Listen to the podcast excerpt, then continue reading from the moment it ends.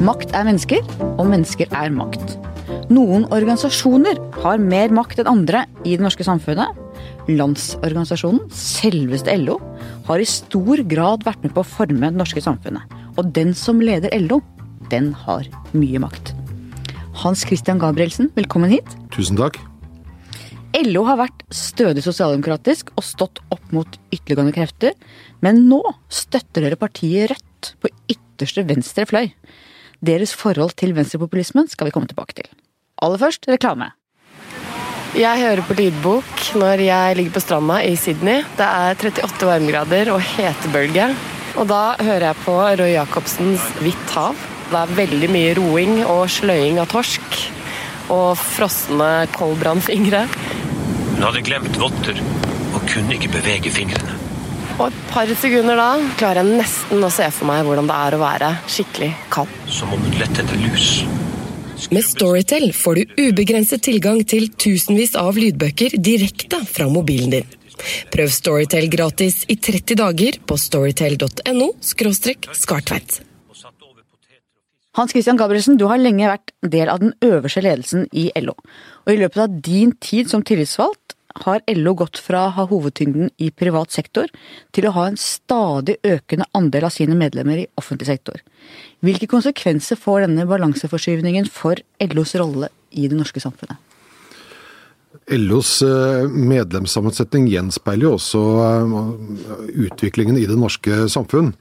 Eh, det at antall industriarbeidsplasser har gradvis blitt redusert over mange, mange tiår. Og at offentlig sektor, stat og forvaltning har, har blitt en større del, gjenspeiler da også hvordan LO i dag ser ut. LO vokser jo, og vi er jo nå rekordmange medlemmer i LOs forbund, over 920 000. Nylig fikk vi et nytt skudd på stammen. Det var da Sjøoffisersforbundet som kom inn med 10 000 medlemmer. Sånn at LO vokser jo og representerer på mange måter tverrsnittet av norsk arbeidsliv. Og hva skjer da med frontfagsmodellen? Først må du forklare hva det er, og så må du forklare hvorfor den er viktig. Frontfagsmodellen er jo eh, populært kalt på, på økonomispråk det, den gamle Aukrust-modellen, helt tilbake til broren til Kjell Aukrust, som da eh, jobbet i Statistisk sentralbyrå. Eh, og som eh, da satte det som på mange måter er eh, de bærende elementene for lønnsdannelsen i Norge i dag. Nemlig det at det er den eksportretta industrien eller næringene, altså de som er eksponert mot utlandet. De som selger varene sine ute, slett. selger varene sine ute. Det er de som skal måles opp på hvilken bæreevne de har økonomisk til å gi tillegg. Og det er sånn vi også da jobber i dag. Det kalles det frontfagsmodellen. Ja, For da legger det føringer for hvor mye det offentlige ansatte kan ta ut, ikke sant? Det er de privat eksportretta som må lede an lønnsveksten. Det er helt riktig sånn at ikke Det kan ikke være sånn at enkelte stikker av. For da blir konkurransekraften svekka, og da taper den konkurranseutsatte næringene og industrien konkurransekraft, rett og slett. Og så, og så får vi som samfunn en, en dårligere bæreevne i økonomien, og, og, vi taper konkurransekraft. Og det går ut, igjen da utover velstanden og mulighetene til å gi tillegg da i, i, offentlig sektor igjen, ikke sant. Men det at offentlig sektor blir stadig sterkere, både i LO og som du sier i samfunnet for øvrig, svekker det frontfagsmodellen? Gjør det at de offentlig ansatte får mer innflytelse, mer tyngde og mer makt, og dermed på en måte forrykker den hårfine balansen vi har hatt i norsk økonomi alle disse årene? Nei, og nå har det vært leda og gjennomgått flere utvalg, offentlige utvalg og utredninger, sist Cappelen-utvalget. Nå har det vært flere, flere, utvalg som har slått fast og egentlig slått ring om frontfagsmodellen og dens fortreffelighet og, og viktighet. Perspektivmeldinga som regjeringen nydelig presenterte, peker jo nettopp også på betydningen av frontfagsmodellen som en viktig del av, av lønnsdannelsen og suksessformelen i, i Norge. Ja, Den bærer på en måte den jeg, norske modellen? Han gjør det, og jeg, jeg opplever at den står veldig sterkt. Uh, uavhengig om du er innenfor offentlig forvaltning, stat, kommune eller privat sektor. Så står frontfaget sterkt. Eh, Jeg hadde besøk her av Torbjørn Røe Isaksen, Høyres kunnskapsminister. Ja. Og han lovpriste frontfagsmodellen.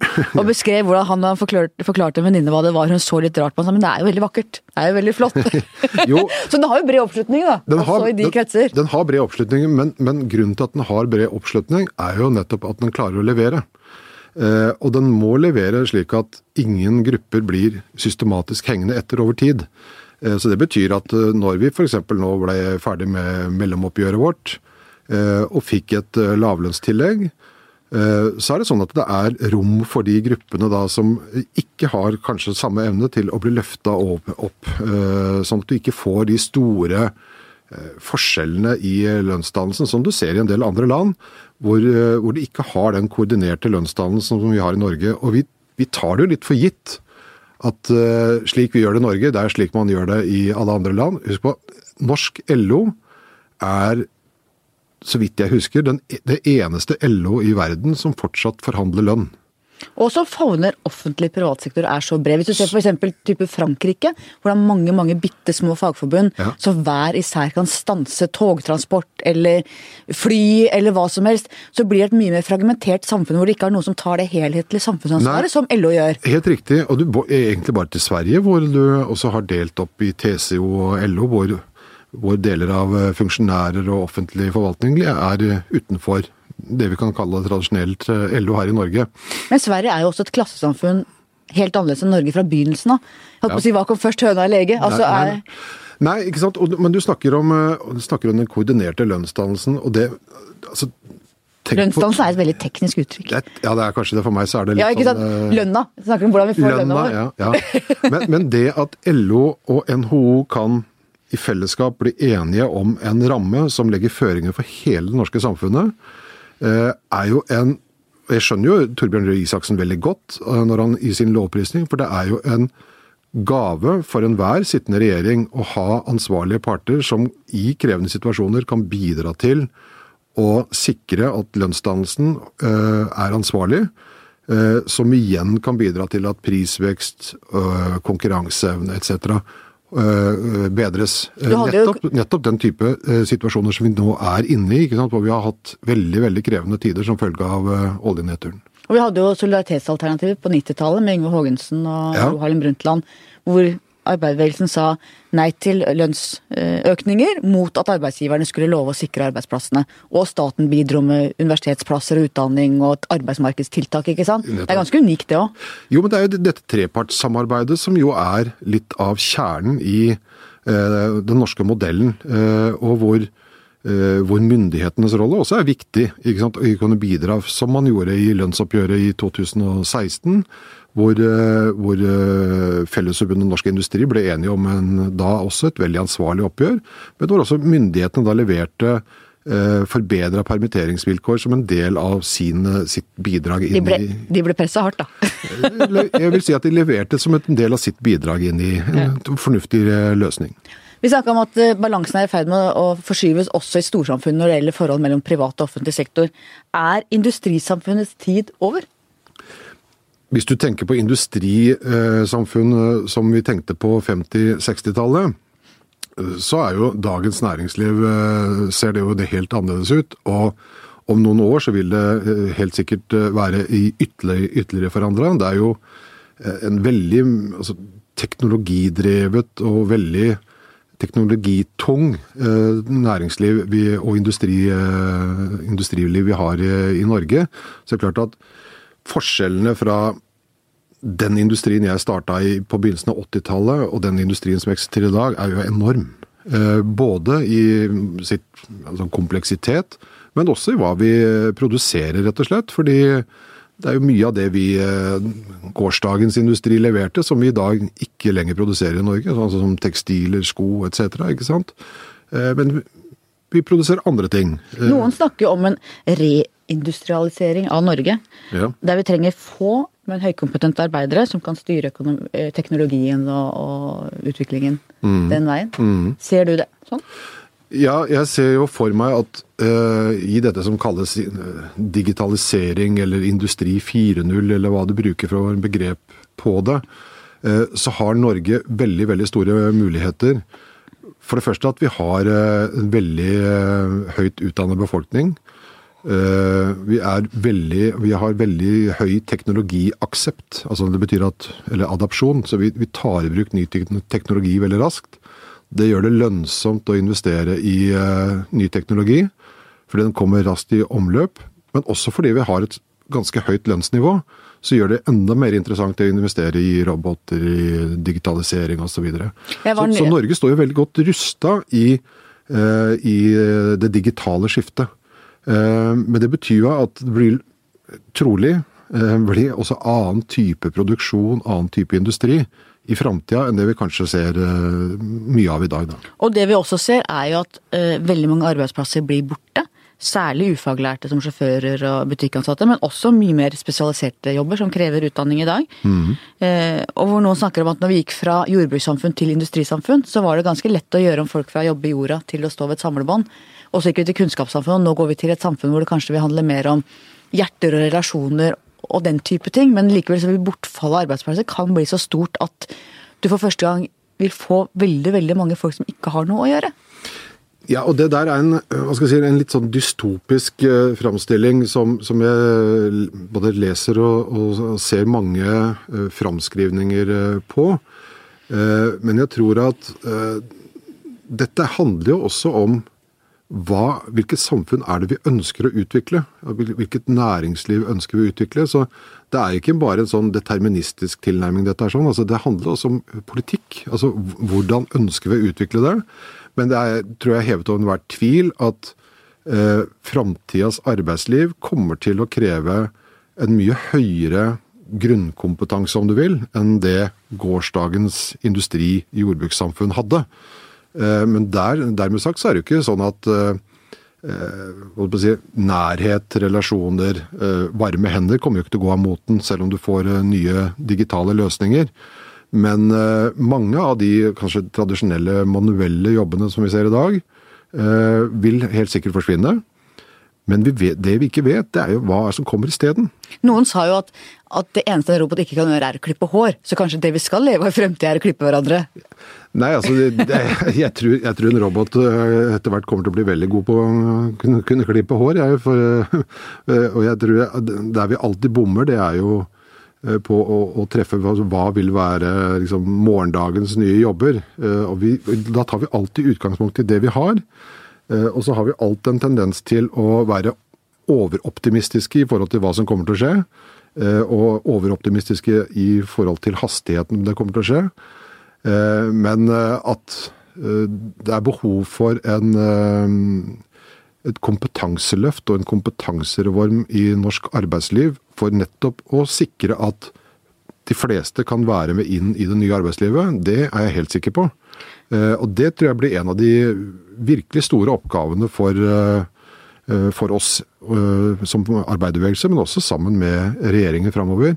Å få på plass gode kompetansevilkår for de som allerede er i jobb ja, for livslang læring har jo alltid vært et begrep i arbeiderbevegelsen. Og du tenker at det får et enda sterkere innhold nå? Ja, jeg, tror, jeg, ikke bare tror jeg er helt overbevist om at uh, å lære hele tiden, lære i arbeid, har, har muligheter, løsninger som gjør at uh, du kan få uh, fylt på kompetansen din, også utover det kanskje bedriften eller arbeidsgiveren din ønsker.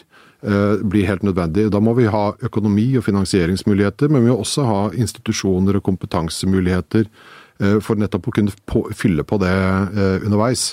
For det holder ikke bare å, å tenke at vi skal ha god grunnskole, videregående opplæring, universiteter og høyskole, og så når du kommer ut, så er du liksom ferdig utlært. Den kompetansen den eh, ferskvaren der den kommer til å gå hurtigere og hurtigere ut på dato.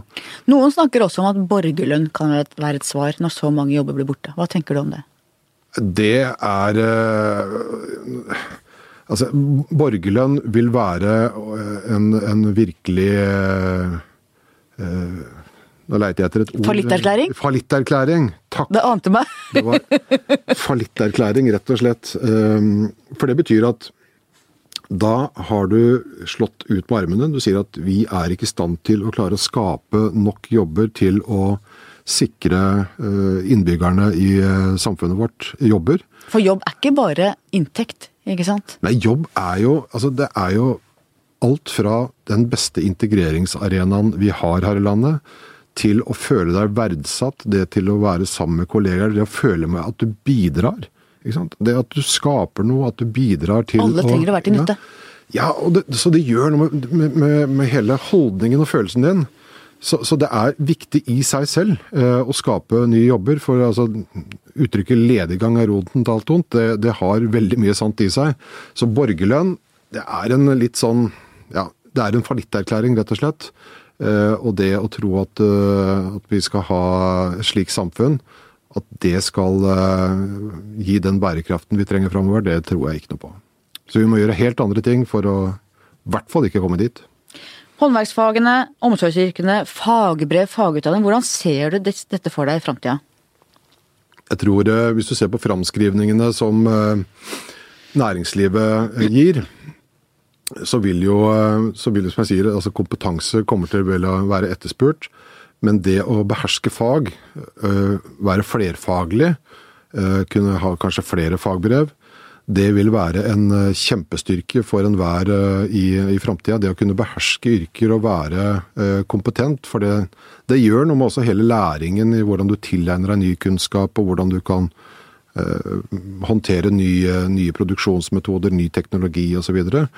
Så, så, det å ha, ha, et fagbrev, enten det er innenfor helse, helsefagarbeiderne, uh, eller det er innenfor tradisjonell industri eller rørleggere, elektrikere, what have you, Eh, det tror jeg kommer til å være en høy etterspurt, høyt etterspurt yrkesgruppe i, i, mange år. Og det ser vi også når, når, industrien og næringslivet blir spurt. At det er nettopp den type kompetanse, ingeniørkompetanse, som, som de kommer til å, å etterspørre. Men de klassiske håndverkene, murer, maler, det har jo blitt litt sånn eh, mindre verdsatt i samfunnet. Du har eh, stadig færre ungdommer som tar det. Du har folk som kommer utenfra gjennom EØS-avtalen. Sosial dumping. Eh, mye svart arbeid. Mm -hmm. eh, hva kan vi gjøre med det? Ja, vi må gjøre flere ting. Det ene er eh, å bekjempe sosial dumping. Eh, både gjennom lovverk, regelverk, eh, tilsyn etc men også at partene i arbeidslivet sammen går, eh, går, kraftfullt inn for nettopp å prøve å bekjempe det, det, som vi ser eh, noe av, som rett og slett er arbeidslivskriminalitet. Er vi flinke nok til å bekjempe det? Nei, vi er ikke det. Eh, vi har gjort veldig mye, og fra 2004 egentlig, som de store utfordringene begynte å komme, når vi fikk den ytterligere utvidelsen av EU, så eh, tok man jo for første gangen i bruk allmenngjøring av eh, tariffavtaler. Hva betyr det? Det betyr rett og slett at satsene i en, en tariffavtale blir lov. Så det er ikke lov til å betale noen eksempelvis mindre enn det som den tariffavtalen tilsier at du skal ha i, i lønn. Og det ble tatt i bruk innenfor byggfagene og innenfor deler av industrien allerede i 2005-2006. Men det er noe med de som opererer på kanten av loven, for å si det litt forsiktig, eh, som har alltid en tendens til å forsøke stadig nye veier og stadig finne nye smutthull. Så det betyr at både politikken og vi i fagbevegelsen sammen med arbeidsgiverne må hele tiden være med å utvikle nytt regelverk, nytt lovverk, nye måter å kontrollere det på, slik at vi gjør det mer lønnsomt for de som er seriøse at de som er eh, useriøse, taper i konkurransen. Det er den eneste måten vi klarer å bekjempe dette på. For lykkes vi ikke, så ser vi sånn som eh, du beskriver, at eh, store yrkesgrupper i realiteten vil forvitre. Og vi kommer til å ha behov for mange håndverksfag i, i framtiden. Er dette den viktigste utfordringa du står overfor? Jeg skal være litt varsom med å karakterisere hva som er viktigst av utfordringer. Dette er en av de store utfordringene som vi i fellesskap må løse. Eh, for skal vi klare å ha gode, og nok ikke minst, håndverkere til at vi kan eh, være selvforsynte med, med kompetanse på, på, disse områdene Ja, Bygge våre egne hus? Ja, rett og slett. Eh, hvis vi skal belage oss på at her skal vi bare for framtiden hente fagarbeidere fra andre land, så tror jeg vi bommer kraftig. Fordi at eh, veldig mange andre land har akkurat de samme utfordringene. De skal også bygge sine egne hus. Og de kan få en sterkere økonomi etter Ja, ja, ja, ikke sant? å jobbe der. Så det er så utrolig kortsiktig eh, tenkning rundt det. Det jeg er glad for å registrere, det er jo at næringen sjøl, hvis du ser på byggenæringen, så er jo de nå virkelig tatt tak i det på egen hånd. Og ser jo det store problemet at hele årskull, at en rekruttering til bransjen blir stadig vanskeligere. Dette handler jo om omdømmebygging òg, ikke sant. For dagens ungdom, som kanskje kan velge på, ikke øverste hylle, men i hvert fall velge på, på mange felt, ønsker seg jo ikke til et eh, område som er prega av eh, kriminalitet, dårlig rykte, Dårlig lønn. eh, dårlig lønn, ikke sant? hvor norsk kanskje ikke er, eh, er, eh, er hovedspråk engang. Så det er klart at her har alle parter et eh, felles ansvar for å sikre at vi bekjemper sosial dumping, og sørge for at vi har eh, anstendige lønns- og arbeidsvilkår i eh, arbeidslivet. EØS-avtalen er jo omstridt i LO. Særlig pga. nettopp sosial dumping, som vi har snakka om. Ja. Forstår du de som er skeptiske?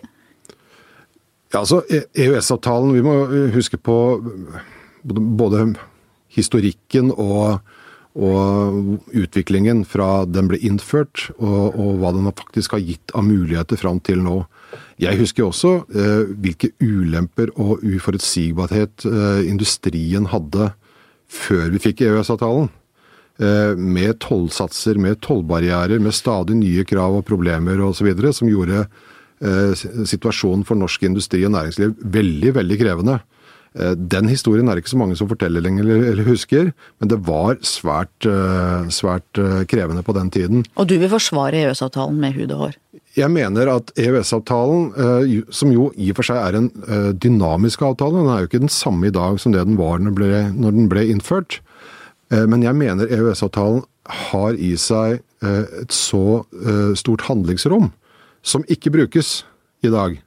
Eh, Nettopp i f.eks. kampen mot sosial dumping. Eh, Så er det veldig lett for de som ja, si, kanskje ikke ønsker å gjøre noe, eh, å skylde på EØS. Eller peke på EØS og si at EØS-avtalen forhindrer oss i å gjøre dette eller dette eller dette. Eh, Men det mener jeg er jo en veldig passiv tilnærming til det. Jeg mener jo at eh, punkt én, du skal forsøke, du skal utnytte og du skal hele tiden dytte eh, grensene for hva som er mulig, og kanskje sette også nye standarder. Eh, Og det er det mange av nabolandene, nabolandene våre gjør, altså EU-medlemmene. De er, Nå er jo ikke vi der, da, Nei, nei, nei, men altså det, det de gjør, eh, det er jo nettopp også å utnytte handlingsrommet til det fulle. Eh, Men det er jo lettere når, når du er medlem, da.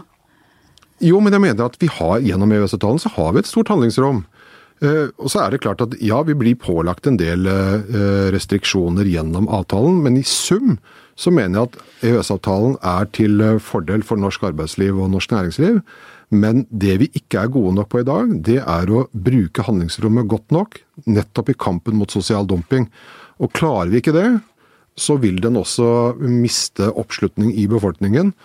Derfor så er det så viktig at du er både proaktiv, men veldig eh, framoverlent i, i å, å søke å utnytte handlingsrommet. F.eks. når det gjelder dette med vikarbyråer, bemanningsbyråer.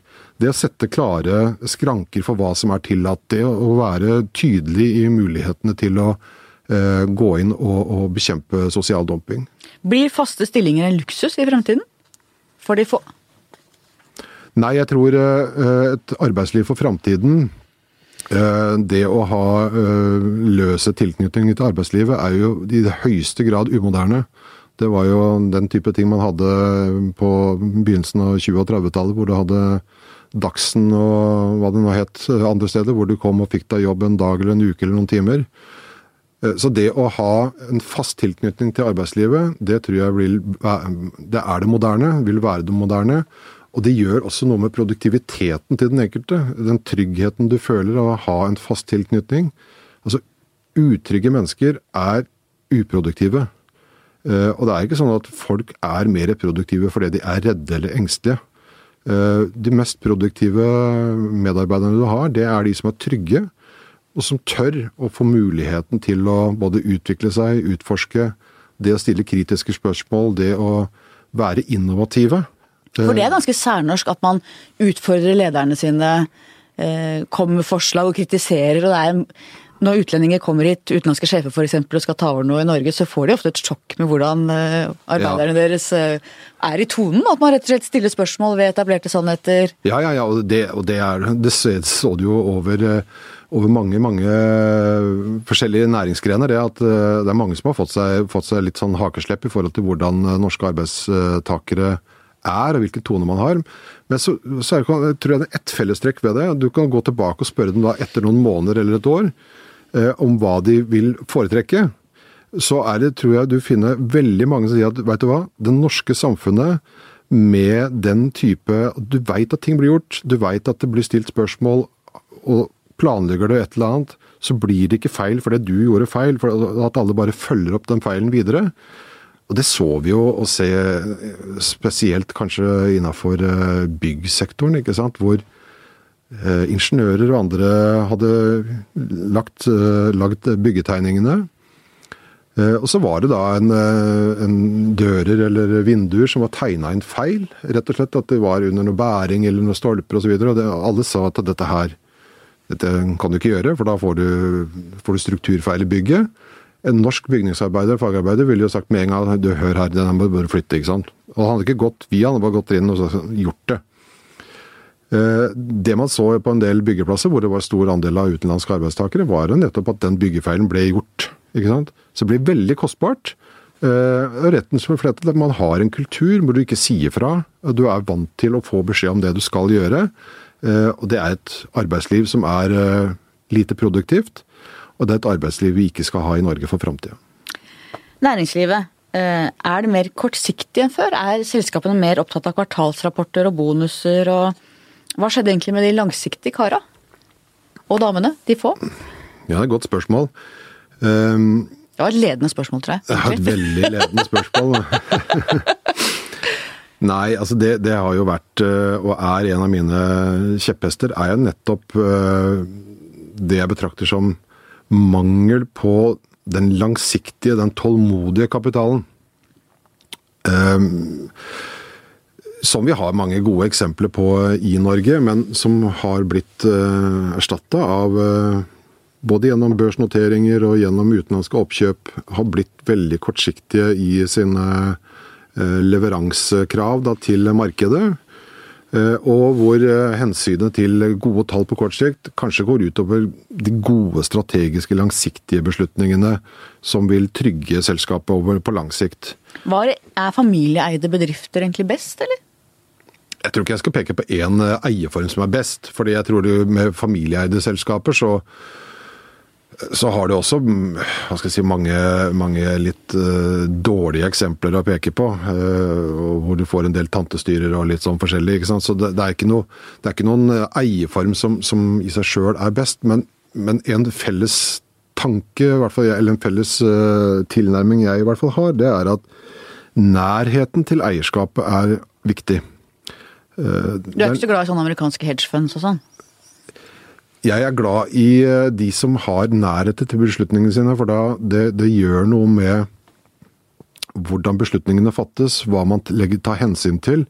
Jeg har ikke noe mot at du har eh, equity-fond inne på, inne på eiersiden i, i, enkelte selskaper. Jeg har sett equity-fond har gjort de tingene som kanskje en eier, et familieeid selskap, burde ha gjort for mange, mange år siden. Eh, men som de ikke har sett eller har latt skure ha gått. Og så har selskapet gått dårlig, hatt dårlig fortjeneste, og så kommer det et equity-fond inn og, og, ser eh, mulighetene. Eh, og gjør de tingene som, som man egentlig burde ha gjort for lenge siden. Og, og, hvor mange har da sagt at dette her har vi sagt fram tidligere, men, men det har liksom aldri blitt tatt noe tak i. Uh, ulempen med equity-fond er jo ja, nettopp eh, horisonten deres. Altså, de har en 57 års perspektiv veldig ofte. Eh, noen av dem er gode og overleverer selskaper i bedre shape enn det de når de gikk inn. Men så har du rene slakteselskaper også, som jeg dessverre tror vi kommer til å se mye av nå i kjølvannet av oljekrisen, riggkrisen og krisen innenfor, innenfor skipsfarten. Eh, at det er mange selskaper som vil, eh, vil få andre adresser og andre eier på, på, på, på, navnet sitt. Eh, Vi er i ferd med å se en sånn winner takes all-økonomi nå. Eh, Noen få får hele gevinsten. Altså Du har vestkysten i USA med Facebook og Google som dominerer. Hvor de sysselsetter få her, betaler ikke skatt, bidrar med lite og henter ut mye. Ja. Hvordan skal vi møte det? Ja, jeg tror eh, igjen her sånn så er nok Så er nok Internasjonale avtaler er jo selvfølgelig viktige i dette. Eh, fordi her er det jo selskaper som er ganske grenseløse. Eh, altså De er digitale i sin natur. Ja, de kan ha en serverpark eh, et eller annet sted, men, men altså, hovedstedsadressen kan flyttes veldig raskt dit hvor det er lite eller ingen skatt. Og det skjer jo i dag.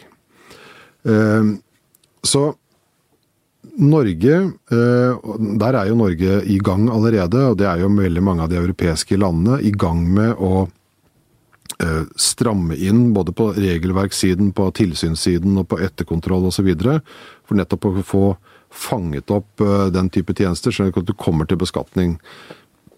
Vi har sett noen rettssaker i England, London, hvor, hvor eh, det var eh, Google, vel, som til syvende og sist eh, ble dømt til å betale skatt, etterbetale skatt til, til britiske myndigheter. Det var litt deilig. Det, ja, det var det, men, det, men? Og, det, er viktig at den type kamper tas. Fordi i en sånn fase som vi kanskje er i nå, nå er vi kanskje ikke i den fasen lenger nå, men altså en sånn begynnende fase, hvor liksom alt, alt er lov, om du vil. Sånn, hvor eh, det kommer mye nye spennende selskap, og de etablerer seg, og det er helt sånn fritt osv. Så Til at dette også blir en del av den nye industrien, og skal reguleres og sk- skattlegges og, og, og ha, operere på, på ordinære vilkår. Og blir da svaret både en sterkere nasjonalstat og et sterkere internasjonalt samarbeid? Altså på en måte både Arbeiderpartiets Europeiske union og Senterpartiets nasjonalstaten? Ja, du må ha, du må ha sterkere kontroll eh, på, på den type tjenester, altså sånn Airbnb og lignende. sånn, Altså der hvor du leier ut, du eh, må oppgi selv at du faktisk eh, tjener det. Eh, så må vi ha en gjennomgang av arbeidstaker-arbeidsgiverbegrepet. Eh, den forrige gjennomgangen ble foretatt i 1996, og det har jo skjedd et par ting siden den gangen. Sånn at definisjonen av hva som er en arbeidsgiver i dag, er ikke etter mitt syn god nok til å fange opp den nye plattformøkonomien på en god nok måte. Uber-sjåfører ikke sant, eh, som har gått til sak, eh, og som har vunnet. Eh, Det å få disse, disse definisjonene på, på, på plass er viktig. Og så tror jeg at internasjonalt samarbeid på skatt, på, på åpenhet, åpenhet og innsyn, ikke minst, på hvordan man, man betaler, at man kan følge transaksjoner og skatt eh, over landegrenser, blir veldig, veldig viktig. Hva mener du sjøl om E- norsk EU-medlemskap? Norsk EU-medlemskap, Ja, eh, det tror jeg er eh, Det tror jeg er en ikke-sak. Hva stemte du i 94? Eh, I 94 stemte jeg Husker du ikke? Få høre, da. Nei. Jo, jo, jo. jo. nei i, fire, Nei nå rødma du litt. Hva stemte du i 94? I 94 så stemte jeg ja. Så bra. Eh, Det var ut fra en helt annen type tilnærming, eh, hvordan EU var den gangen. Jeg husker det, Og de utfordringene som jeg opplevde da at industrien og der jeg jobba, hadde. Ville du stemt nei i dag? Er det det du egentlig sier? Ja. Ville du det? ja. Fordi Nei, fordi eh, for det første så er jo det EU som, eh, som eh, den gangen vi så konturene av, hvor den sosiale traktaten skulle få en mye større rolle, hvor arbeidstakerbegrepet, alle disse tingene skulle løftes på plass. De, de er Altså, den, den, den, den tiden er forbi. Så, så det EU vi ser i dag, det, det hadde nok ikke vært tema, nei. Men, men dermed sagt, eh, når det gjelder avtaler eh, i forhold til å sikre industri og, og tilgang over landegrensene som, som EØS-avtalen gir oss, så er, vi, eh, så er vi fortsatt avhengig av å ha en, et godt avtaleverk med en liten og åpen økonomi som det Norge, Norge er. Du er en ekte arbeider, en av de få som er igjen. Begynte i læra på Tofte Industri som 17-åring. Fortell. Ja, jeg begynte, begynte jo lære der eh, 17 Ja, akkurat fylt 17, faktisk. Eh, og det var jo Da hadde jeg gått på det som den gang ble kalt for kjemi- og presis, prosesslinja. Eh, og eh, det var jo øh, spennende å liksom begynne å jobbe i industrien. Jeg kommer fra Slemmestad, som jo er et industrisam, øh, gammelt industrisamfunn. Nå ble jo industrien der lagt ned. øh, Sementfabrikken ble lagt ned. Eh, Og, og jeg fikk en lærlingeplass på Tofte, og det var, følte jeg sjøl, en veldig spennende en veldig spennende arbeidsplass å begynne Hva, på. hva besto jobben din i? Eh, på Tofte? Nei, jeg gikk jo i læra der først som eh, eller som prosessoperatør, da, og da fikk jeg jo vært rundt på hele fabrikken. Eh, og jeg fikk jo muligheten til å lære mange forskjellige avdelinger, mange ulike prosesser. Eh, og det var utrolig spennende. Jeg fikk mer og mer sans for liksom den måten å jobbe på, styre prosesser og Det var eh, Nei, jeg, jeg, trivdes veldig med det. altså. Det, jeg også, det, og ikke minst det samholdet som vi hadde på, på arbeidsplassen. Det Og du var skiftarbeider. Hvordan har ja, det prega det. deg? Og ditt syn på arbeidslivet? Nei, det har jo prega meg i den forstand at du, du øh, jobber da til alle døgnets tider. Da, og selv om det er jul og nyttår og påske og alle andre har fri, så er du på jobb, og så har du fri når alle andre er på jobb. Ehm, så det gjør jo noe med måten du jobber på og tenker på, øh, og hvordan tilgangen og tilgjengeligheten din blir øh, litt annerledes. Så du, du, jeg, var, jeg var jo singel på den tida der, ikke sant? så jeg hadde jo ikke noe familie, noe sånn noe, noe hensyn å ta til, eh, til det. Eh, Men jeg kan tenke meg at de, eh, de som hadde barn og sant, eh, Hvor tungt det var. Vi var jo mer, jeg var jo mer enn glad nok til å bytte liksom skift og kunne jobbe i storhelger, som vi kalte det da. Og du, og du likte kveldsskiftet best. Hvorfor det? ja, Kveldsskiftet det- altså fordi, Jo, altså det er flere grunner til det. En av dem var jo at på dagtid så var det jo, da tussa det jo rundt, syns vi sjøl, med, med sjefer og formenn og andre sant, som skulle bry seg med alt det vi mente, altså, som vi mente var riktig. Så etter klokka fire så ble det ganske mye mer stille. Og da kunne vi liksom da kunne vi kjøre fabrikken eh, sånn som vi mente at fabrikken burde kjøres. Og da Ja, så hvordan det gikk skikkelig, ikke sant. Eh, og det, det var et sånt eh, et veldig godt sånt samhold altså på skiftet eh, med de folka du jobba sammen med. og du, altså, Alle var avhengige av hverandre. Så du, kunne liksom ikke dra på for å produsere mest mulig hos deg hvis ikke resten hang med. ikke sant? Så du, du skjønte fort liksom avhengigheten av vel andre. At det du etterlot til andre eh, når de skulle overta skiftet, at det var så godt som mulig. For det betydde at når du kom neste gang, så var det bra. Sånn at du, du skjønte liksom hvor viktig alle var eh, i, i å få en prosess til å gå mest mulig knirkefritt. Og det syns jeg var, eh, det synes jeg var eh, en veldig, veldig ålreit måte ja, Det var en veldig flott tid, rett og slett. Altså. En tid som jeg aldri ville vært foruten. Og du flytta på hybel som 17-åring. Ble du tidlig voksen? Nei, altså Nå er det vel ikke noe sånn direkte sammenheng mellom å bli voksen og flytte for seg sjøl, men eh, selvstendig, ja. Eh, så det, det var eh, Jeg hadde jo, eh, før jeg fikk sertifikat, så hadde jeg moped. Og da Det var vel fire mil omtrent mellom Tofte og Slemmestad, der mora og faren min bodde. Så jeg kjørte hjem da til å begynne med, for da Jeg hadde fri helgene. Før det ble 18 år, for da fikk du ikke lov å jobbe natt og sånne ting, ikke sant. Så da kjørte jeg hjem da til Slemmestad helga, og så og så hadde jeg med meg eh, tøy. ikke på mopeden med sekk på ryggen, og så hadde jeg sånne norgesglass med kjøttkaker og brun saus. Fra mor? eh, fra mor og poteter.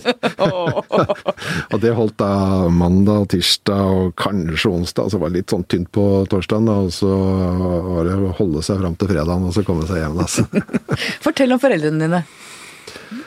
Foreldrene mine er eh, to strålende mennesker som jeg har hatt eh, veldig veldig god støtte av gjennom eh, hele oppveksten og, og, og ungdomstiden. Hva slags typer er de?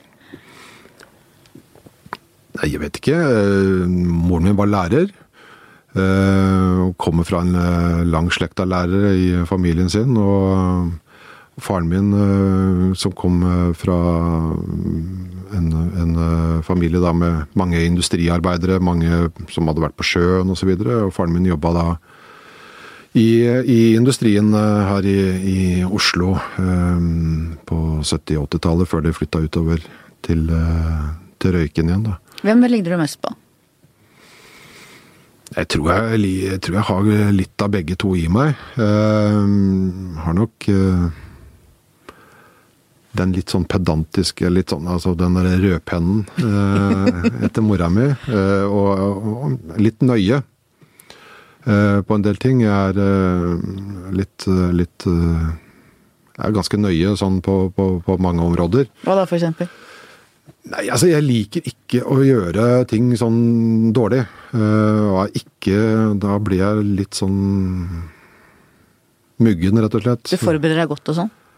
Ja, jeg liker å forberede meg godt. Du sitter med ark foran deg i dag? Ja, jeg har ikke brukt dem, da. Nei. Nei, men det er, det er litt for å ha noen mentale huskelapper for meg sjøl. Men det er også noe med det at hvis du, hvis du gjør det, så, så har du også forberedt deg, forberedt deg godt. Uh, så det liker jeg å gjøre. Uh, så er jeg jo, tror jeg, fra min far så har jeg også dette her med å eh, ja, være tydelig, si fra også. Eh, Faren min har alltid sagt, sagt til meg at eh, det er en, en leveregel jeg har, det er at du skal eh, gjøre den jobben du har eh, på en skikkelig måte, uansett i hvilken posisjon og hvilken rolle du har. Så skal du alltid gjøre den beste jobben du kan, kan gjøre. Og det gjør du. De var tålmodige mennesker. De tålte at du tromma døgnet rundt, time etter time. Begynte da du var sju år, og på et tidspunkt så hadde du 13 trommer på rommet. Ja. Det veit jeg ikke om jeg hadde orka hjemme hos meg, altså. Nei, du veit det hva. Altså, tanken har jo slått meg mer enn én gang. At uh, hadde jeg orka det? Antageligvis hadde jeg det. For det begynte jo i det små. Eh, som sju år, da hadde jeg jo ikke noe trommesett, men da begynte jeg i musikken, da, eller sånn korps. Og så hadde jeg med meg en skarptromme hjem, og etter hvert litt, litt flere trommer. Og så når jeg blei tolv år, så kjøpte jeg mitt første trommesett. Um, så etter hvert så balla det litt på seg, da. Så blei det jo på det meste 13 inn på det der eh, gutterommet. Men fatter'n og mutter'n sagt det, det, det var helt greit så lenge det var meg som spilte, for da syntes de liksom, da var det Men når kameratene mine kom på besøk, da ble det litt for mye leven, for da ble det mye sånn slåing. Men eh, når jeg spilte, som de sa, det var. Han spiller, og de andre slår. Men selv om du spiller i band av og til fortsatt, så var det ikke musikken som ble din karrierevei. Du ble ganske tidlig tillitsvalgt på heltid. 28 år, da ble du ansatt i Fellesforbundet. Og rett nok hadde du jobba allerede 11 år i industrien da, men du var jo likevel ganske ung da du ble fagforeningsmann på fulltid. Ja, øh, jeg, var, ja, jeg er jo det, eller var jo det.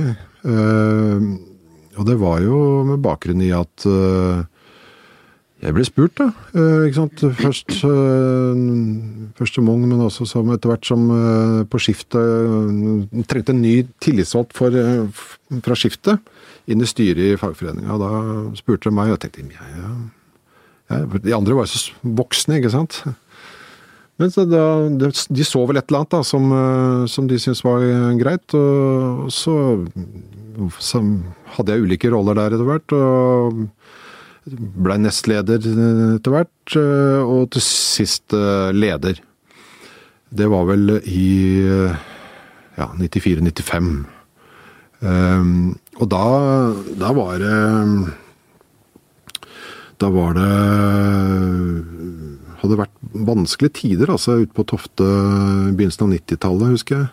Vi hadde gjennom store nedbemanningsprosesser, og jeg husker han som var leder da. Det, det der var det der var en skikkelig tøff periode, altså. Eh, Godt over 100 stykker som, eh, som ble mista jobben. Og liksom hvordan vi klarte å finne pakker og ja, få det til, få det til å gå i hop, det var eh, Det lærte jeg mye av, men det var, eh, var veldig krevende, altså. Og så har du fortalt om da du som ung mann hørte selveste landfaderen, Ja. Einar Gerhardsen, på LOs kurssted på Sørmarka. Jeg hørte ham på Utøya, antagelig omtrent på samme tid. Det var litt historisk sus over det. Og bestefaren din, Torleif, som gikk på ski med Håkon Lie på Ja. Sørmarka. Hva slags forhold har du til de gamle kara i arbeiderbevegelsen? Nei, altså eh, Den gangen da så var jeg vel eh, Kan ha vært for noe 18 år 17, Nei, jeg var 18 år må jeg ha vært da. Eh, vi var ute på, på Sørmarka. Og da var det første kvelden eh, vi hadde på, jeg tror et faglig-politisk ungdomskurs, ja, eh, som, vi, som vi var på Sørmarka. Og da, da var det en sånn arbeiderbevegelsens historie med Einar Gerhardsen. Hører knirkestemmen hans i bakhuet, vet du. Ja. Men det, det, er, noe rart med det. Når du er så ung, så har du liksom ikke den Altså, du, du tenker ikke over at du faktisk er med på noe som er litt sånn øh, Du verden, øh, her burde du egentlig holde deg fast. Og virkelig suge inn alle minnene. Men det jeg, det jeg husker best fra den øh, Fra den Jeg husker ikke hvor lenge det var, om det var en time eller Det kan ikke ha vært så veldig mye mer til, for han var ganske gammel på den tida. Men det var, altså, det var helt stille. Altså, vi, blant oss, da. At vi klarte å, å altså, få så mange ungdommer til å sitte stille og liksom bare lytte, det var eh, Det er godt gjort, altså. Så det, det liksom, den, den husker jeg ennå. Det husker jeg virkelig godt, altså. Den uh, kvelden der ute, søndagskvelden tror jeg det var. Vi kom på søndag. Av menn i 30-åra så står så mye som kanskje 20 utenfor arbeidslivet. Uh, ungdom faller ut av videregående, særlig unge gutter, og særlig gutter med innvandrerbakgrunn. Eh, hva kan vi gjøre med det? Det er, det er flere ting, og vi må ikke her liksom starte debatten med videregående og nå må vi gjøre noen krafttak i videregående skole og så tro at det vil løse alt. Eh, Dette er jo noe som eh, veldig mange lærere ser tidlig, eh, allerede fra de begynner i barnehage, første trinn på, på grunnskolen, så, så kan de se og identifisere folk som vil, og gutter eller jenter som vil få problemer eh, tidlig eller senere i, i livet. Hvorfor er det særlig gutter?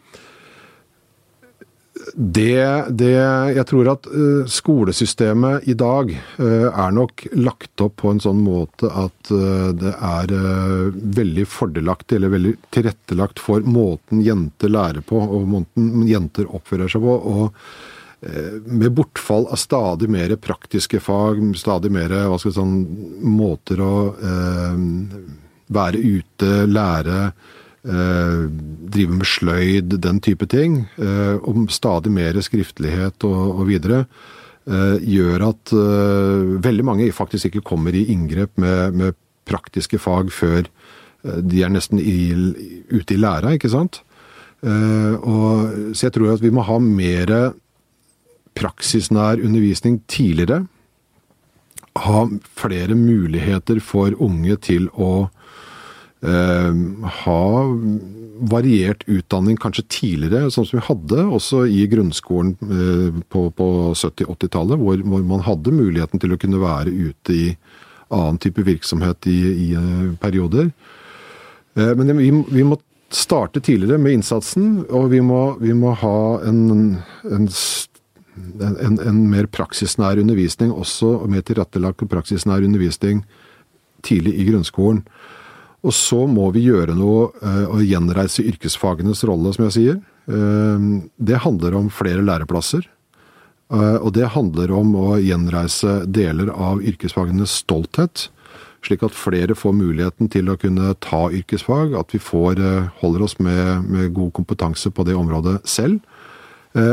Og så handler det om at vi må få en kompetansereform for eh, arbeidslivet som sikrer at eh, de som da av ulike grunner eh, har behov for ny kompetanse gjennom arbeidskarrieren, får muligheten der, slik at de ikke faller utenfor fordi at kompetansen er forvitra, eller at du sitter der med for liten kompetanse. Det er jo tilbake til livslang læring. Og så har du innvandring og Brochmann-utvalget som kom for ikke så lenge siden, som går inn i hvordan vi skal klare å, å få nykommere inn i arbeidslivet. Det må vi få til for å klare å bevare velferdsstaten, ikke sant. Ja. Eh, hvordan kan vi som samfunn sørge for det? Altså, der har vi jo eh, valgt i Norge, eh, bl.a. gjennom innspill fra LO og NHO, eh, å si at i Norge skal vi ikke gå for lavlønnssporet, som man har gjort i veldig mange andre land. Eh, det bidrar til for det første å eh, gi et arbeidsliv som eh, blir mindre produktivt, som skaper større forskjeller osv., som vi har snakket om tidligere. Men det bidrar ikke til integrering på samme måten, for da får du store yrkesgrupper som er nettopp det. De er innvandrere, eller asylsøkere, ikke asylsøkere, men arbeidsinnvandrere. Så det å ha, bruke arbeidslivet som integreringsarena er viktig. Eh, det betyr at vi må skape flere arbeidsplasser, selvfølgelig. Men vi må også ruste de som skal ut i arbeidslivet, for oppgaven. Og her er jo språk eh, altså kjernefokus, egentlig, for veldig mange. At man kommer tidligere i gang med språkopplæring, at man kommer tidligere i gang med integreringsarbeidet, slik at flere og raskere kan komme ut og ta del og være produktive eh, eh mennesker i, i, et norsk arbeidsliv. Det tror jeg er kanskje den viktigste og beste måten å, å drive integrering i, i norsk samfunn på. Og da er vi tilbake til mitt åpningsspørsmål. LO som velger å støtte partiet Rødt, som springer ut av AKP-ML, et revolusjonært parti som har hatt sosialdemokrati som sin store fiende. Hvordan forklarer du dette? Altså, vi har et uh, faglig-politisk samarbeid, et formalisert faglig-politisk samarbeid med Arbeiderpartiet. Det har vi hatt uh, i alle år. Uh, og springer tilbake til både stiftelsen av Arbeiderpartiet og LO tilbake for over 100 år siden. Så har vi også støtta andre partier. Vi har støtta SV, og vi har støtta Senterpartiet. Men vi har ikke et formalisert samarbeid med verken SV eller Senterpartiet. Vi samarbeider jo med alle partier som ønsker Eh, å få til eh, en eh, politikk som gagner Som er i tråd med den politikken vi ønsker å få gjennomført for våre medlemmer. Så hvis du tenker på en bevilgning som vår kongress gjorde i 2013, ja.